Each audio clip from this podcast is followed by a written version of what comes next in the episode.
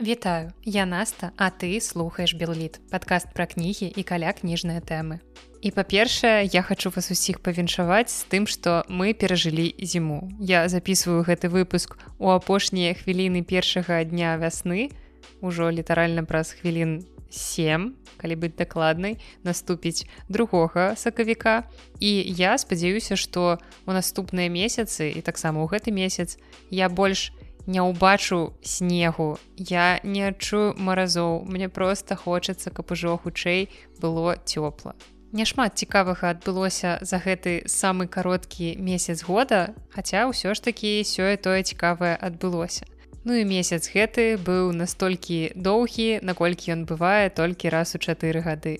З сённяшняга выпуска вы даведаецеся каму прысвяціў свой ну мабыць самы папулярны верш аркаць куляшоў якія літаратурныя прэміі былі ўручаныя ў лютым, на якую экзатычную мову перакладаюць беларускую літаратуру, як штучны інтэлект дапамагае ў расшыфроўцы старых рукапісаў, ну і колькі грошай можа каштаваць выданне гары потара з абдрукоўкай. Ну і пачынаем гэты 115 выпуск подкаста з беларускіх юбіляраў, якіх у мяне на люты назбіралася ажно трое. І пачнём з чалавека, з дня нараджэння якога 6 лютага споўнілася ажно 110 гадоў. І гэта народны паэт БСР аркаць куляшоў. І мяркую, першае што ўсплывае ў вашай галаве з паэтычных радкоў куляшова гэта радкі бывай абуджаная сэрцам дарагая чаму так горка не магу я зразумець Я думаю што вы ўсе далей хорам можете гэта цытаваць бо гэта бадай адзін з найвядомейшых вершаў паэта І я думаю, што калі вы памятаеце яго са школы, то вам там таксама расказвалі, што гэты верш адметны тым, што напісаў паэт яго ў 14 гадоў. У маі 1928 года у пятым нумары часопіса полымя быў апублікаваны гэты верш, які называецца бывай. Але нам ён таксама можа быць вядомы пад назвай алеся, бо менавіта такую назву атрымала песня песняроў, якая таксама стала ледзь не легендарнай. Ну і цікава, што падштурхнула 14гадовага юнака напісаць падобны верш. Зразумела, што на тое мусіла быць прычына. І імя ў гэтай прычыны было Александра Карыткіна. Здаецца, гэтая дзяўчына была старэйшая за куляшова на два гады і ён быў моцна ў яе закаханы. Гэта было такое першае сур'ёзнае каханне. Але ўзаемнага кахання ў іх не склалася і вось у гісторыі літаратуры застаўся такі выдатны ўзор інтымнай лірыкі. Што нам наогул вядома пра гэтую алесю, што пасля заканчэння школы яна паехала ў Ленінград, дзе скончыла педагагічны інстытут і ўсё жыццё яна працавала настаўніцай. І дарэчы, цікава, што вось менавіта верш, які быў надрукаваны ў полымі пад назвай з блякноту таварыша, тады яшчэ не бывай. І той верш менавіта бывае, які мы вучылі ў школе на памяць, здаецца ж вучылі, я не памыляюся. Дык вось гэтыя версіі здаецца аднаго і таго ж верша, крыху адрозніваюцца. І зразумела, што першапачаткова гэта друкавалася менавіта як тэкст 14гадовага юнака. А ўжо пазней больш сталы паэт, калі вярнуўся да гэтага верша, ясна, што ён унёс у яго нейкія важныя істотныя праўкі і да нас твор ужо дайшоў у такім больш папраўленым дарослым сталым выглядзе. Але ўсё роўна варта памятаць, што гэты твор напісаны маладым чалавекам з усімі ягонымі эмоцыямі, якія былі ў яго на той час магчыма пэўнымі няспелымі эмоцыямі але разам з тым неверагодна шчырымі крыху раскажу вам пра стасункі куляшова і гэтай алесі. Ён сустрэў яе яшчэ 11гадовым тады ёй было 13 і гэтая прыхажуня з суседняй вёскі просто скарыла сэрца хлопца. Потым яны разам вучыліся ў школе і куляшоў атрымаў ад яе адмову. І так их шляхі разышліся каб у 50 гады мінулага стагоддзя сысціся зноў. Праўда ненадоўга. Куляшоў з ёй дамовіўся сустрэцца у але ўбачыў што яна пастарэла трошачки так змянілася ну так літаральна да непазнавальнасці. І ён глядзеў на яе праз шкло паштовага аддзялення ў быхаве але так і не здолеў і не наважыўся да яе выйсці. Вось за гэта я яго асуджаю. Гэта ну трошачки непрыгожа як мне падаецца. Але гэта яго жыццё і Мне наогул цікава, навошта яму захацелася паварушыць мінулае і паглядзець, як яна цяпер выглядае. Зразумела, што гэта ўжо не тая 14гадовая ці там 13гадовая дзяўчынка, у якую ён калісьці закахаўся. Ясна, што шмат з таго часу вады ўцякло. І дарэчы дачка паэта нават апублікавала ліст гэтай алесі да куляшова які быў напісаны ў 1971 годзе.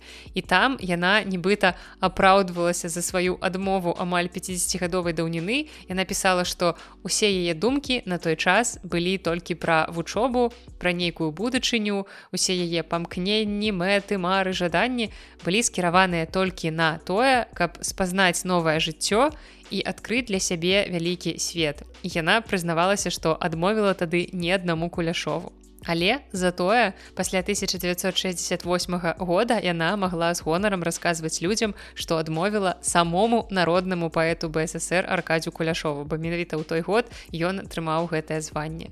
Ну і дарэчы, мне падаецца, што гэта вельмі часта здараецца, калі няўдалае каханне перарастае у вельмі удалы твор літаратуры ці наогул мастацтва. Таму не саромцеся выражаць свае любыя эмоцыі у вершах, у іншых творах літаратуры, магчыма, у карцінах, у музычных творах. Я думаю, што калі ў вас не складзецца з тым чалавекам, каму вы гэты твор магчыма прысвяцілі, але можа быць у вас наогул складзецца з творчасцю з літаратурнай, музычнай і гэтак далей. 15 лютага магло б споўніцца 65 гадоў Пятру Васючэнка, беларускаму літаратуразнаўцу, крытыку, празайку, драматургу і эсеісту. Яго не стала ў жніўні 2019 года і я шчыра зайздрошчу тым людзям якія мелі магчымасць вучыцца ў яго ў лінгвістычным універсітэце. Таму што гэта быў не толькі вельмі літаратурна адораны але яшчэ і педагагічна адораны чалавек які з 1997 года загадваў кафедры беларускай мовы і літаратуры ў мінскім дзяржаўным лінгвістычным універсітэце. І аднойчы мне ў гэтым універсітэце давялося паўдзельнічаць у навуковай канферэнцыі. І тады я задавальненнем трапіла на лекцыю васючэнкі і гэта было цудоўна і наогул магу вам раіць як яго дзіцячыя творы так і ягоныя кніжкі ў жанр нон-фікшн напрыклад я з захапленнем чытала кнігу адлюстраванні першатвора пра беларускую літаратуру канца два стагоддзя і гэта менавіта тая кніга у якой вы можете сустрэць легендарныя словы васючэнкі дзе ён параўноўвае беларус беларусаў з хобітамі. Я бязмежна люблю гэтае параўнанне і вельмі часта яго згадваю. Беларусы еўрапейскія хобіты, што хаваецца ў цень ад саміх сябе. Яны спадзяюцца, што гэты цень іх схавае і што гэты іх несхаваны цень потым дапаможа ім выйсці з ценю. Іншыя нацыі крадуць чужых класікаў, а беларусы імкнуцца задарма аддаць сваіх чужым. Яшчэ ім прыплочваюць. Ну і таксама ў гэтай кнізе Васючэнка іранізуе з таго, што мы ахвотна аддаём іншым нацыям сваіх творцаў. Вось гэта было чуваць у канцы мінулай цытаты і вось таксама зачытаю вам яшчэ адну. Самая багатая і самая шчодрая. Гэта наша літаратура. Настолькі багатая і шчодрая, што дазваляе і дапамагае суседзям браць сябе колькі заўгодна і тварыць з гэтага забранага класічную спадчыну беларусы самыя багатыя ў свеце на непрызнаных у сябе прарокаў і ахвяраваных суседзям літаратараў. І тут дзесьці ціхенечка заплакаў адзін Адам Мецкевіч. Карацей, калі вы ў пошуках цікавых літаратурных думак, то адлюстраванне першатвора Петра Васючэнкі мой вам шчыры рэкамендасьён. 12 лютага магло б споўніцца 55 гадоў сержу мінскевічу беларускаму паэту перакладчыку і для мяне ягоная смерць была нейкім такім дадатковым шокам тому што пра яе я даведалася акурат калі выйшла закрэсціна і агулам такая была даволі гнятлівая атмасфера яшчэ і гэтыя навіны і ў асноўным я чытала ў мінскевіча вершы. Мы праходзілі яго ва ўніверсітэце ў сувязі з таварыствам бумбамліт і я зусім не знаёмая з яго дзіцячай літаратурай якой ён напісаў даволі шмат. Але мае знаёмыя якія маюць дзяцей вельмі хвалілі яго кнігі вялікія прыгоды какоса маракоса і усмешка жалобнай каралевы Таму гэтыя творы я таксама калі-небудзь планую абавязкова прачытаць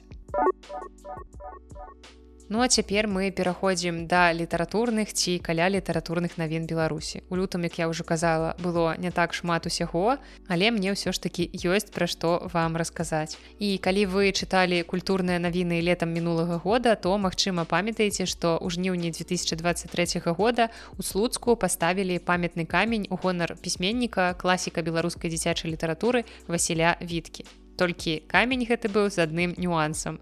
У надпіс на камені забегла памылка. Імя пісьменніка там было напісана без літары л там было васі і мяккі знак. І пасля такога фэйлу райвыканкам наогул адмаўляў што нейкая памылка там ёсць. Я вам цытую зараз аддзел ідэалагічнай работы культуры і па справах моладзі мясцовага райвыканкама Гэта ягоны подпіс. Так ён падпісваў свае вершы. Таму выбачайце, аўтар ужо нябожчык выпраўляць нічога не будзем. Мы менавіта так і рабілі, каб быў росчырк яго арыгінальны графалагічны подпіс. Гэта яшчэ не завершаны варыянт. Мы звярнулі ўвагу, што такі падарунак быў да дня будаўніка. Будзем яго надалей удасканальваць. Але чарговы фэйл заключаўся ў тым, што на шыльдзе быў не подпіс. Гэта не быў проста перанесены подпіс які яны ўзялі з нейкіх рукапісаў васіля віткі. Гэта быў проста рукапісны шрифт а подписываўся вітка нормально усе літары былі на месцы ў ягоным псеўданіме. Але ж мне падаецца што гэта наша такая нестарэючая класіка спачатку накасячыць а потым замест таго каб шчыра прызнацца што накасячылі прыдумваць апраўданні ну такога ўзроўню трошки дзіцячы садок Але нарэшце цяпер памылку няхай публічна і не прызналі, але прынамсі выправілі цяпер літар усіх хапае. Трошачкі навін літаратурных прэмій. У лютым адбываўся міжнародны паэтычны фестываль верша на асфальце, які сёлета прайшоў у вільні і там было абвешчана імя лаўрэата літаратурнай прэміі імя мехася стральцова за 2023 год.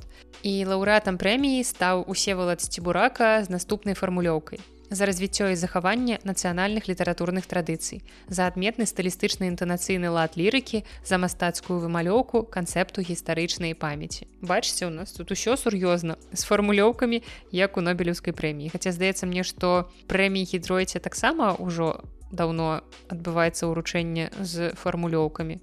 Але насамрэч гэтая прэмія гэта не проста словы уручылі прэмію і забылі. Галоўным прызам для лаўрэата становіцца выданне кнігі выбранага і сёлета гэта кніга ўсе валадасці буракі беларускія зоркі, у якую ўвайшлі новыя і найлепшыя вершы, пераклады, проза і эсэ аўтара.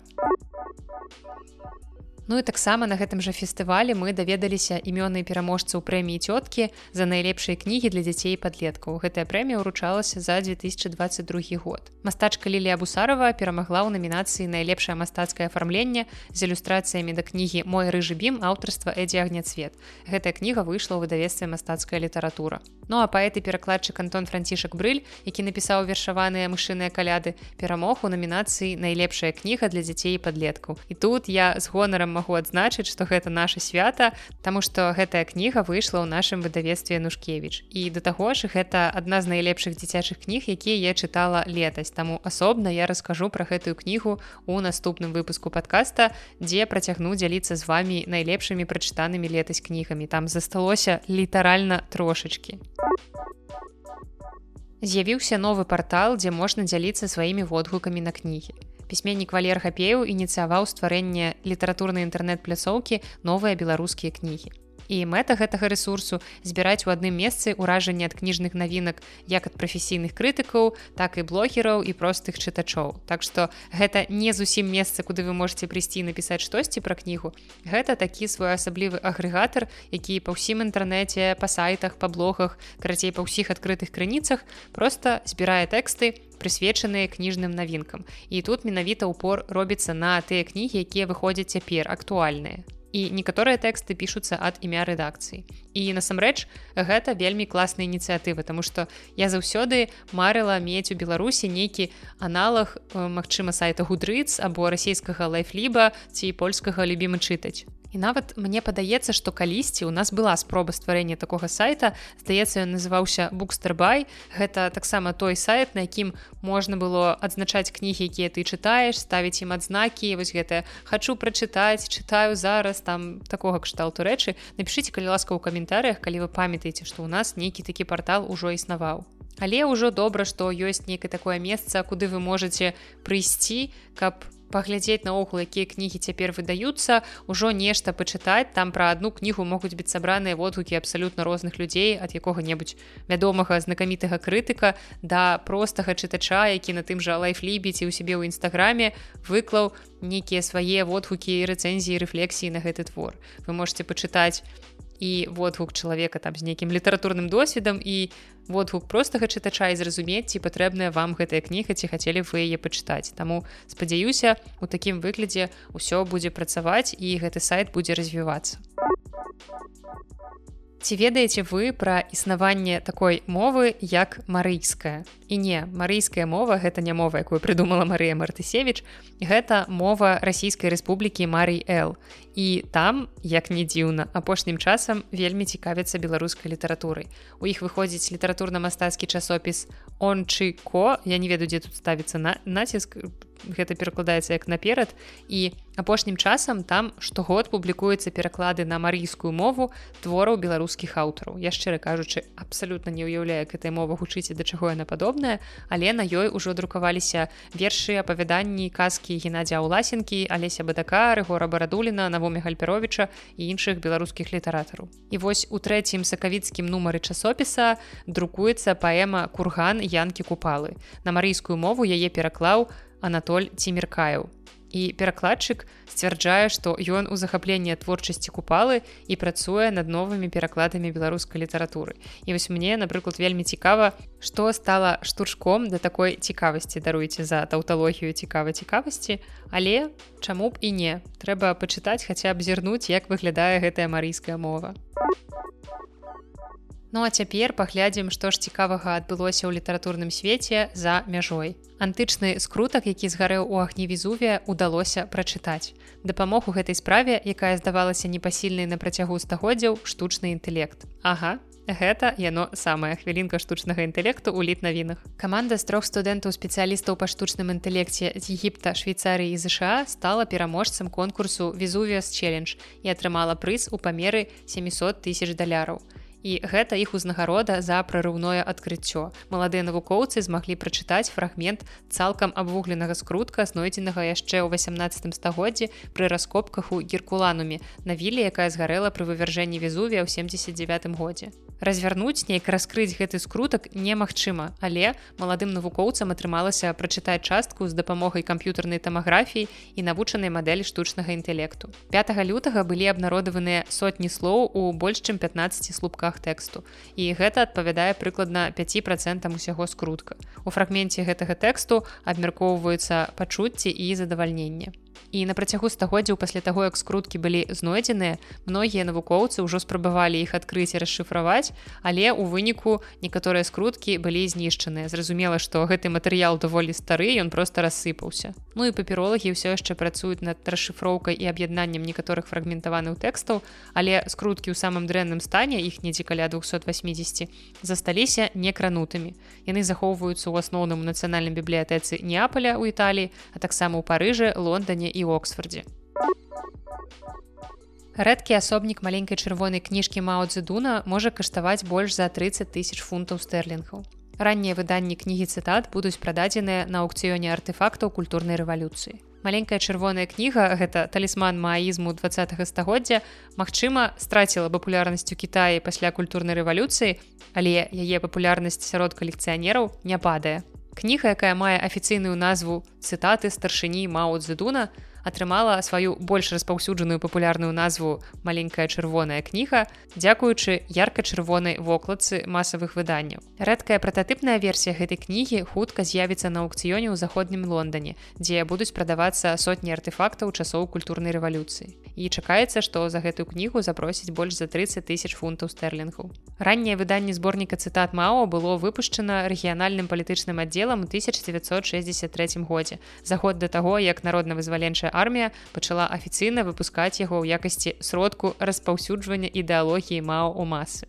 Афіцыйная версія менавіта кішэнная кніжка у якой больш за 200 цытат мao дапамагла сфарміраваць культ асобы мao дай падчас культурнай рэвалюцыі і таксама вызначыць траекторыю кітайскай гісторыю двадцатым стагоддзе таму гэта такі важны значны узор літаратуры Няхай цяпер ужо з пэўнымі пытаннямі да ягонай мастацкай вартасці нейкай якасці, але з вялікім вялікім гістарычным значэннем.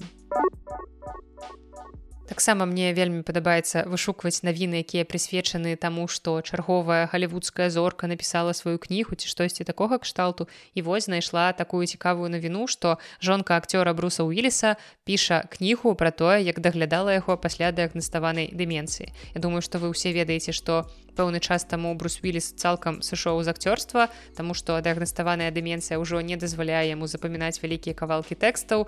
І як бы ўжо размаўляе з пэўнымі цяжкасцямі Не думаю што што вы уяўляеце што гэта за хвароба і вось эма хэмінг уіліс жонка бруса уіліса анансавала сваю кнігу якая будзе апублікаваная ў 2025 годзе. Яна анансуючы гэтую кнігу успамінала пра тое што у яе практычна не было ресурсаў і падтрымкі пасля таго як яе мужу паставілі такі дыягназ. Кніга у якой пакуль што няма ніякай назвы будзе апублікавана ў наступным годзе і стане я цытую удумлівым і натхняльным кіраўніцтвам для тых хто шукае падтрымкі ў барацьбе з дыменцыяй блізкага чалавека. Першае выданне гары потара прададзена на аукцыёне за вялікую цану. Пробны экземпляр першай кнігі пра гары потара, які калісьці быў набыты за капейкі ў 1997 далёкім годзе. Ён быў прададзены на аукцыёне за 11 тысяч фунтаў стэрлінгаў калісьці гэтае рэдкае выданне кнігі гары потары філасофскі камень купілі за 40 пенсаў як непрыдатны тавар разам з іншымі кнігамі. Гэтую кнігу знайшлі ў краме падтрыманых кніг у лондоне. І прадавец не ведаючы пра такую каштоўнасць кнігі зразумеў яе толькі пасля таго як даведаўся якія высокія цэны на аналагічныя асобнікі ў інтэрнэце. І рэч у тым што чаму гэтая кніга наогул такая асаблівая што імя аўтаркі ў гэтай кнізе пазначаная з абдрукоўкай як J.A. Роулінг замест J.K. Роулінг. Вось такая дробязь, якая здавалася б, магла прынесці нейкія дадатковыя растраты чалавеку, які выдаў гэтую кнігу дакладней выдавецтву, Таму што там давялося перадрукоўваць наклад, бо як жа можна выпусціць з такой абдрукоўкай. Але ў выніку гэтая кніга з такой абдрукоўкай можа прыносіць вялікія грошы. Гэта, канешне, парадоксы літаратурнага свету, як памылкі могуць рабіць кнігу яшчэ больш каштоўнай, чым яна была калісьці. Таму калі ў вас ёсць на паліцах экземпляр нашай кнігі пыха і перадузятасць Джейн Остан у перакладзе Ханны Янкуты звярніце ўвагу на яе карэнчык і там вы ўбачыце, што ў слове пыха можна сустрэць адразу дзве літары п. І магчыма, гэтая кніга калісьці таксама стане такой бібліяграфічнай каштоўнасцю. Ну а цяпер моя любимая частка подкаста з лід навінамі, дзе я вам расказваю, што ж цікавага новага з'явілася ў беларускім кнігадруку. І пачнём з выдавецтва энцыклапедыкс, у якім у мінску выйшла новая кніга Адама хлобуса пераказкі. І вось што пра выхад кнігі ў сваім фейсбуку напісаў сам аўтар, апублікаваўшы фота гэтай кнігі ў абдымках свайго кота ёсць казкі і прыказкі прымаўкі а цяпер ёсць і пераказкі. У выдавецтве энцыклапедыкс выйшла моя новая кніга з ціплым накладам і ў сціплым аздабленні якое мне дапамог зрабіць брат міраслаў. Вось вам і першы чытач пераказак. Ну і гэтым першы чытач ён вядома намякае на свайго кота і гэта сапраўды невялічкая кніга у якой паводле анатацыі сабраліся новыя гісторыі пра старых і ўсім вядомых герояў.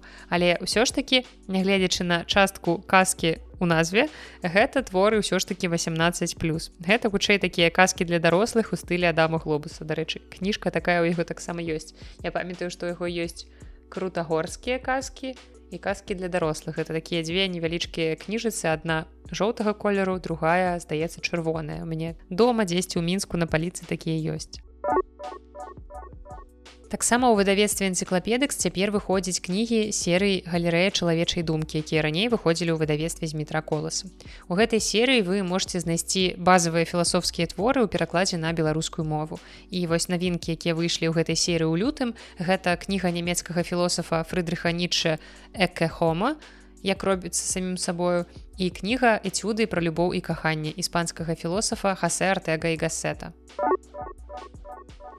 У выдавецтве рамана Цымберова выйшла анталогія сучаснай беларускай драматургіі внутрі слов. І гэтым выданнем распачалася серыя стрэлы цішыні, прысвечаная памяці тэатральнага крытыка Алексея Стрэльнікава, які трагічна загінуў два гады таму. І я была знаёмая з лёшам, ён быў чалавекам, які вельмі вельмі любіў літаратуру і вельмі добра ў ёй разбіраўся. І часам ён завітваў да нас у кніжную шафу на кубачак кавы, таму што ён жыў недалёка. І ён заўсёды прыносіў шафу, разам з сабой такія цікавыя думкі і разважанні. І ў гэты зборнік увайшлі п'есы сучасных беларускіх драматургаў алёны іванюшенко гэта якраз удава лёшы Канстанціна сцешыка Марыі бялькович улады хмель колі музычэнкі. Укладальніца і аўтарка прадмовы тэатразнаўца Настасія Васілевич выдавестве лохвіну выйшаў пераклад з польскай мовы рамана тадэвуша далэнгі мастовіча кар'ера мікадзіма дызмы перакладчык алесь емельянаў шылович і гэтага пісьменніка вы можете ведаць па ягоным самым знакамітым рамане знахар і па яго польскай экранізацыі якую я з захапленнем глядзела ў дзяцінстве і ўжо тады просто рыдала. Потым я пазней прачытала роман беларускі пераклад таксама выходзіў у давестве логвіну і зноў рыдала як быццам бы я не ведала ўсю гэтую гісторыю. Ну а вось гэты роман пра кар'еру мікадзімадызмы мы магчыма возьмем на абмеркаванне на кніжны клуб. Прынамсі такая ідэя у нас была. Таму калі вы сочыце за нашымі сходкамі как анягош то звярніце увагу на гэты твор. Анатацыя у яго неверагодна цікавая захапляльная. Я просто ёй максімальна заінтрыгаваная. І гэтую кнігу можна купіць у нас у кніжнай шафе. Спасылка на гэтую іншыя кнігі про якія я сёння рассказываю будзе вядома що вы ўсе ведаеце дзе у апісанні да выпуска яшчэ одна навінка выдавецтва лохвінаў гэта кніга пацукі маладога празайка цімура кудзеліча У 2021 годзе пісьменнік удзельнічаў у конкурсе рукапісаў імя мехася зарэцкага ад выдавецтва галіяфы і перамог у гэтым конкурсе.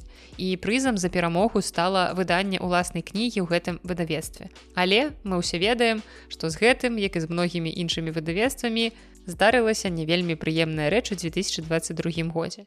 І Тимур расказваў, што дзеля таго, каб паспець дапісаць гэтую аповесць да дэдлайну конкурсу, ён быў нават вымушаны сысці з працы і ў выніку выдавецтва галіяфы закрылі і тады рукапіс перамясціўся ў выдавецтва лохвіну у якім яшчэ ў 2022 годзе мусіў гэты рукапіс ператварыцца ўжо ў кнігу якая першапачаткова мела назву хаурус умоўнай інтэлігенцыі Я думаю што вы счытаеце абрэвіатуру якая хаваецца ў першых літарах кожнага слова. Назва дарэчы была шыкоўная. Мне падабаецца нашмат болей чым пацукі хаця я твор яшчэ не чытала. Але у той год 22 кніга так і не выйшла. а але вось выйшла цяпер у лютым 2024 і анатацыя ў гэтай кнігі таксама вельмі інтрыгуе так што будзем чытаць Ну а выдавецтва папуры класічна не перастае нас радаваць перавыданнямі беларускай класікі ў новым шыкоўным афармленні. На сакавік ужо анансаваны выхад кнігі Яна баршчэўскага шляхціц завальня з ілюстрацыямі Лізавета Лянкевич, А ў лютым з друку выйшла новае выданне кнігі Владзіміра караткевича ладдзя роспачы. Мастацкае аздабленне кнігі зрабіла беларуская ілюстратарка Юлія Давыдова.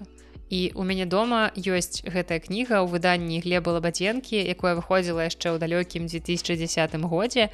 І тая кніга была цікавая тым, што тэкст у ёй друкаваўся ў поўным непадцэнзурным выглядзе. Ну а ў гэтым новым выданні не проста прыхожая вокладка, але таксама цудоўныя ілюстрацыі ўнутры і да 14 сакавіка кнігу можна купіць толькі ў мінскай кнігарні параграф 45 са зніжкай 20 процентаў. У выдавецтве Гутенберг выйшаў зборнік апавяданняў амерыканскага пісьменніка Вашынгтона Ірвінга легенда соннай лагчыны. Перакладчык Андрей Дубовік гэтую кнігу ўвайшлі тры містычныя апавяданні легенда соннай лагчыны рыбван вінкаль і жаніх здань. І пасля чытання містычнага дракулы ў вельмі вельмі вельмі дрэнным перакладзе мне хочацца пачытаць ужо штосьці такое атмасфернае але ў перакладзе добрым. Так што на гэтую кнігу я маю пэўныя надзеі бо над ёй усё ж такі працавалі прафесіяналы выйшаў з друку першы зборнік паэзіі з ямкі земляной светы бень якая можа быць вам вядомая па ўдзеле ў гурце серебряная свадьба Гэтая кніга выйшла ў выдавецтве кнігарні бабель у тэлявіве ў ізраілі. І цікава што выступ гурта светы я ўпершыню убачыла акурат у польшчы. Гэта было 10 гадоў таму у ліпені у горадзе люблін на фестывалі інна бжменя І ў гэтай кнігі вельмі незвычайная і вельмі можна сказаць стэеатыпна беларуская вокладка з бульбай можете паглядзець як яна выглядае. Навінка ад берлінскага выдавецтва хохурот мінск. Там выйшла кніга паэзіі нічога не страшна беларускага паэта Сергея Прылуцкага, які жыве ва ўкраінскай бучы. І з самага пачатку вайны з яго фейсбука можна было сачыць за тымі страшнымі падзеямі, што адбываліся ў гэтым горадзе. І ўсе тэксты ў гэтай кнізе, акрамя трох, напісаныя пасля 24 лютага 22 года але паводле аўтара і гэтыя тры таксама пісаліся з прачуваннем наступных падзей. Гэта вельмі перагукваецца са зборнікам Сергея жадана пра якія вам расказвала ў мінулым выпуску. У выдавецтве славянка выйшла дэбютная кніга таго самага маляваныча александра ждановича і гэта дзіцячая кніга якая называется кропля ў космосе і гэтую кнігу я ўжо паспела прачытаць дзякуючы свайму сябру алесю. Прывітанне табе я ведаю што ты гэта чуеш. А дакладней дзякуючы яго сыну яну які гэтую кнігу атрымаў у падарунак у беларускай школцы ў варшаве. І я была б не я калі б не знайшла памылку літаральна на другой старонцы гэтай кнігі. А вы ведаеце як я стаўлюся да памылак у дзіцячых кнігах. Ну прынцыпе наогул у любых кнігах але вось у дзіцячых асабліва з асаблівай такой нелюбоўю я стаўлюся да гэтых памылак але кніга нядрэнная і пра саму кнігу я раскажу вам у адным з наступных выпускаў у паэткі ганны комар выйшла дакументальная кніга калі я выйду на волю кніга расказвае пра 9 дзён ганны ў 2020 годзе праведзеных у зняволенні кніга стваралася на падставе дзённікавых запісаў аўтаркі а таксама з гісторыі людзей якія таксама прайшлі праз гэта. І гэта кніга якую я вельмі хачу прачытаць таму што ведаю што сустрэну там вельмі шмат знаёмых і пазнавальных гісторый што я змагу успомніць свае гісторыі якія паступова пачынаюць сцірацца з памяці але адразу пасля вызвалення я таксама ўсё записывала ўсё што магла ўспомніць. Гэта нейкі фальклор зняволення гісторыі канкрэтных людзей нейкія асаблівасці быту там традыцыі якія там склаліся. Карацей Мачыма калісьці я таксама наважуся штосьці такое апублікаваць і таксама важна што ўсе сродкі ад продажы кнігі ганны будуць скіраваныя на дапамогу рэпрэсаваным людзям з беларусі Ну і як жа я магу вас пакінуць без расповеду пра тое, што ж выйшла ў нашым выдавецтве ў мінулым месяцы. Амаль 200 асобнікаў кнігі Анджая сапкоўскага вядзьмар час ганьбы разляцеліся літаральна за 5 дзён папярэдняга заказу. І ведайце, што калі вы афармлялі заказ, то пакаваўся ён вось і гэтымі самымі ручкамі вось. Стукаю гэтымі ручкамі па мікрафоне вам не відаць але чуваць. І дарэчы калі вы хочаце каб я вам уклала у посылку нейкую запісачку з сакрэтным пасланнем то дайце мне знаць у каментарыях да заказа на кнігу каком калі вы штосьці заказваеце на нашым сайце і хочаце каб я туды далучыла вам штосьці такое з сакрэцікам то просто напишитеце про гэта. Калі вы будете заказваць там ёсць такі радок для дадатковых каментарыяў. Я их усе бачу чытаю і таму змагу вас парадаваць Ну і таксама ў лютым у нас выйшлі тры не навінкі, але вельмі доўгачаканыя перавыданні. І не гэта не тры першыя часткі ведзьмара. Вось сярод пытанняў за гэты год, якія мы ў выдавецтве атрымліваем часцей за ўсё, гэта дзесьці на другім месцы. Карацей, я расказваю вам топ-тры пытанняў, якія часцей за ўсё задаюць нам у выдавецтве. Першае пытанне вы таксама можете звярацца з нейкімі сваімі унутранымі пытаннямі, якія вы таксама маеце да выдавецтва Янушкевич. Але першае пытанне калі выйдзе новы гары поттер. Тут я просто ціхенечка гэта праігнарую таму што ёсць пэўныя рэчы якія не залежаць ад нас. І мы б вельмі хацелі каб гэта ўсё склалася адбылося вы разумееце што гэта ў нашых жа інтарэсах працягваць выдаваць гэтыя кнігі так жа перыядычна як мы выдавалі іх раней а можа нават часцей. Але ёсць пэўныя рэчы якія ад нас простых людзей не вельмі залежаць. Вось тут без падрабязнасцяў. Але другое пытанне якое мы атрымліваем часцей за ўсё гэта дзе купіць тры папярэднія часткі ведьзьмара вось заканамерна што выйшла чацвёртая а хтосьці толькі ачомаўся і зразумеў што ого гэта ж ведьмар выдаецца по-беларуску дык можна яго прачытаць і сабраўся ён купіць чацвёртую кнігу і зразумеў што а дзе папярэднія тры ўзяць. І магу вам толькі сказаць што першая і трэцяя частка ўсё яшчэ ёсць у продажы ў кнігарні кніжная шафа але на жаль другая не перавыдавалася таму другую кнігу ўжо нідзе не знайсці. І таму вам трэба толькі набрацца цярпення калі вы хочаце гэтай кнігі атрымаць Таму што тут такая троху інсайдерская інфармацыя. Мы ўсё ж таки плануем гэтыя тры першыя часткі перавыдаваць але пакуль што няма ніякай дакладнай інфармацыі наконт таго калі ж гэта ўсё ж таки адбудзецца. Так што калі вы шчаслівы ўладальнік ужо трох ці нават чатырох кніг пра ведьзьмара можете толькі хваліцца гэтымі выданнямі перад тымі людзьмі якія кусаюць локці што не паспелі збіраць ведзьмара ў час калі ён выходзіў. Ну і ўсё ж такі вернемся да тых перавыданняў якія ў нас выйшлі. І па-першае тут мы ўсе хорам відчуем сярожу матырку з тым што выйшла перавыданне яго перакладу кнігі эрвіна мозара дзівосныя гісторыі на дабранач і гэта другая кніга казачных гісторый ад аўстрыйскага пісьменніка эрвіна мозара якую мы выдавалі ў перакладзе сярожы. А за пераклад першая якая называлася неверагодныя гісторыі на дабранач сярожа першы раз стаў лаўрэатам прэміі шермана за найлепшы пераклад дзіцячай кнігі. Друг другое наше дзіцячае перавыданне гэта кніга Ганны Янкуты коч прот і зніклы мышамабіль і мы паступова перавыдаём усе гісторыі пра катаж прота і нават плануем выдаць трэцюю частку коч прот і вежавы гадзіннік якая дагэтуль не выходзіла ў папяровым выкліце калісьці яна з'явілася толькі ў фармаце аўдыакнігі але вось цяпер мы таксама сёлета плануем яе выдаць нарэшце і на паперы. Ну і трэцяе наша ўжо дарослае перавыданне гэта восень патрыярха маркіса ў перакладзе Сергея шупы які таксама атрымаў за свой пераклад прэмію карласа шермана і калі вы яшчэ не паспелі купіць калумбійскага нобелеўскага лаўрата з гісторыяй пра уладу і адзіноту то у нас гэтая кніга зноў ёсць. І дарэчы тут мне хацелася на правах рэкламы так сказаць падзяліцца з вами топам продажаў у выдавецтве янушкевич за люты. Топ-продажу ў кнігарні кніжная шафа вы зможаце пачуць аднайменным падкасці які дарэчы мы заўтра з насты будзем записывать.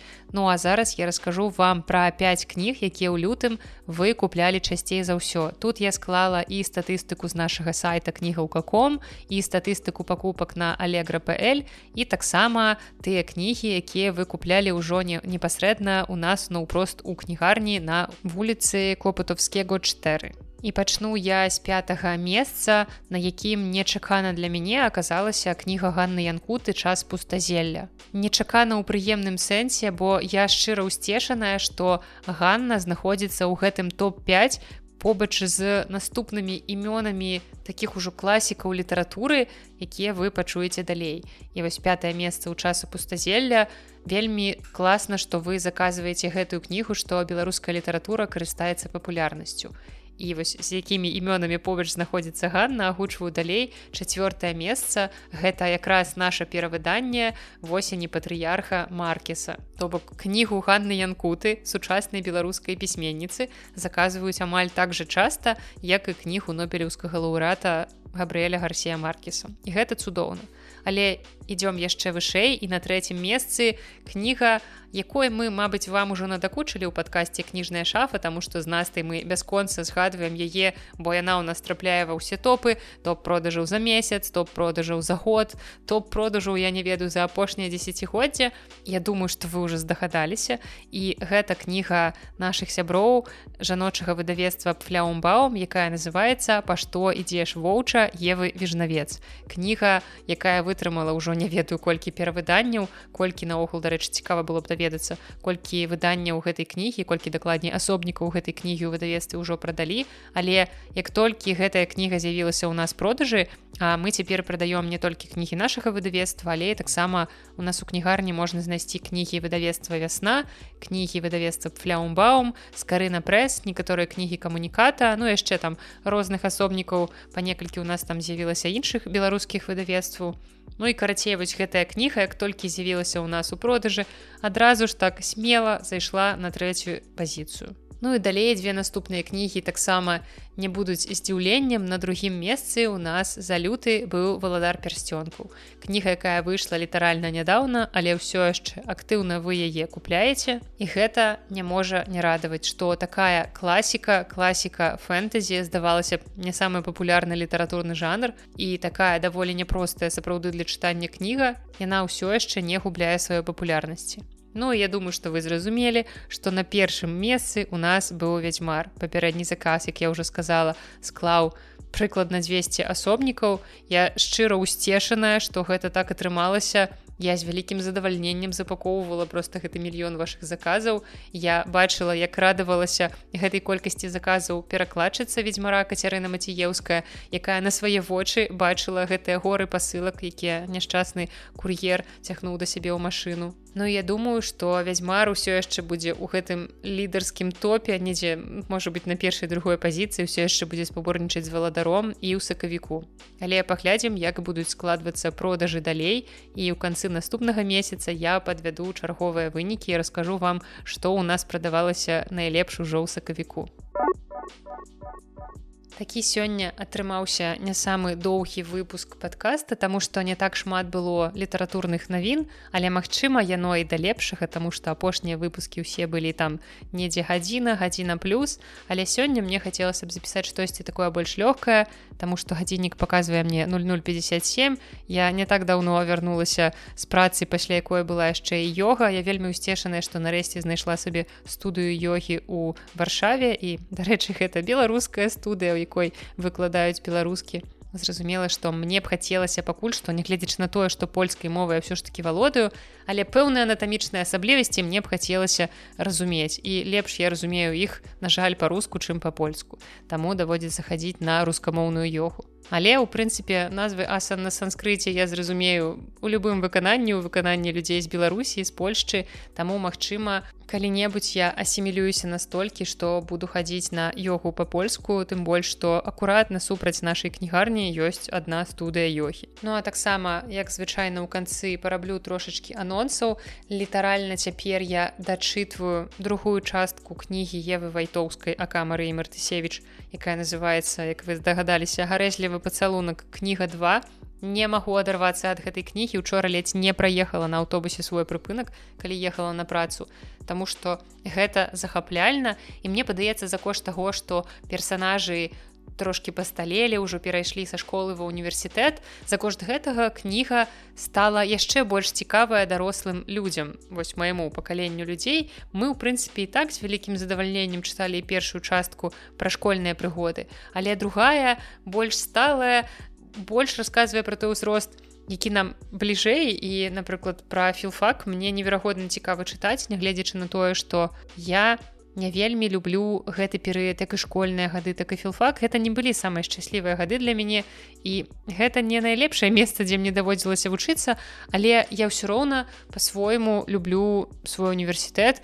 і таму мне неверагодна прыемна чытаць гэтую кнігу і пазнаваць усе тыя мясціны і часам нават некаторых людзей якія так завуалявана апісвае Марыя прыдумваючы ім там іншыя імёны. Але часам варта толькі замяніць одну літару ў прозвішчы Ну і гэтую кнігу мы з настай сярожам ужо зусім хутка абмяркуем на чарговай сходцы кніжнага клуба анягош таму калі яшчэ не паспелі прачытаць але таксама хочаце далучыцца да гэтага клуба старпёраў якія занудствуюць над дзіцячай кніжкай калі ласка мы вас вітаем у клубе Ну а ўжо наступны выпуск подкаста праз тыдзень магчыма стане апошнім, у якім я вам расказваю пра найлепшыя кнігі прачытаныя ў мінулым годзе. Бо мне ўжо вельмі вельмі хочацца расказваць вам пра актуальнае прачытанае пра тое, што я ўжо паспела прачытаць за гэтыя першыя два месяцы 2024 года. Таму пастараюся як мага хутчэй расправіцца са сваімі пазыкамі за мінулы год, і перайсці ўжо да аповедаў пра тое што я чытаю цяпер. І ў гэтым годзе ўжо знайшлося некалькі кніжак якія так по-добраму змаглі мяне ўразіць натхніць і я мяркую што яны трапяць у спіс найлепшых за 2024 год Нагадаю, што ў апісанні да гэтага выпуска схаваліся ўсе патрэбныя вам спасылкі на ўсё тое, што я згадвала ў гэтым выпуску, а таксама там вы знойдзеце спасылкі, па якіх можна падтрымаць мой падкаст. Таксама заклікаю вас далучацца да маіх патронаў на сайце patreon.com.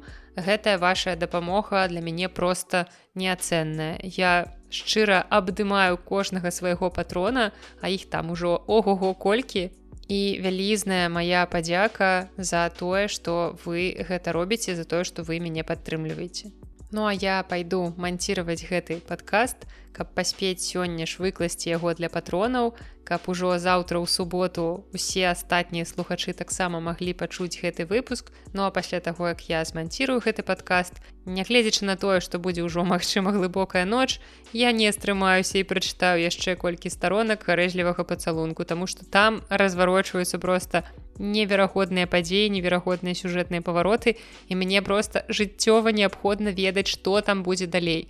І гэта той выпадак калі я вельмі злуюся на тое што мы абралі гэтую кнігу кніжны клуб Таму што мне ўжо цяпер хочацца яе абмеркаваць з настай і сярожам А я не магу таму што мы не абмяркоўваем кнігу да таго як у записываем подкаст каб неяк не вычхаліся ўсе гэтыя эмоцыі бо можа так здарыцца што мы просто ў прыватнай размове абмяркуем усё пра гэтую кнігу і потым не будзе пра што сказаць у выпуску. Таму мы дамовіліся што не абмяркоўваем у нас гэта пад строгай забаронай. Таму мне даводзіцца ледзь не сам насам заставацца з гэтай кнігай і дзяліцца сваімі ўражаннямі з людзьмі якія гэтую кнігу чытаць не збіраюцца але ў прынцыпе не супраць каб паслухаць штосьці пра гэты твор Ну а на сёння гэта ўсё. З вами была Наста і падкаст Белліт да сустрэчы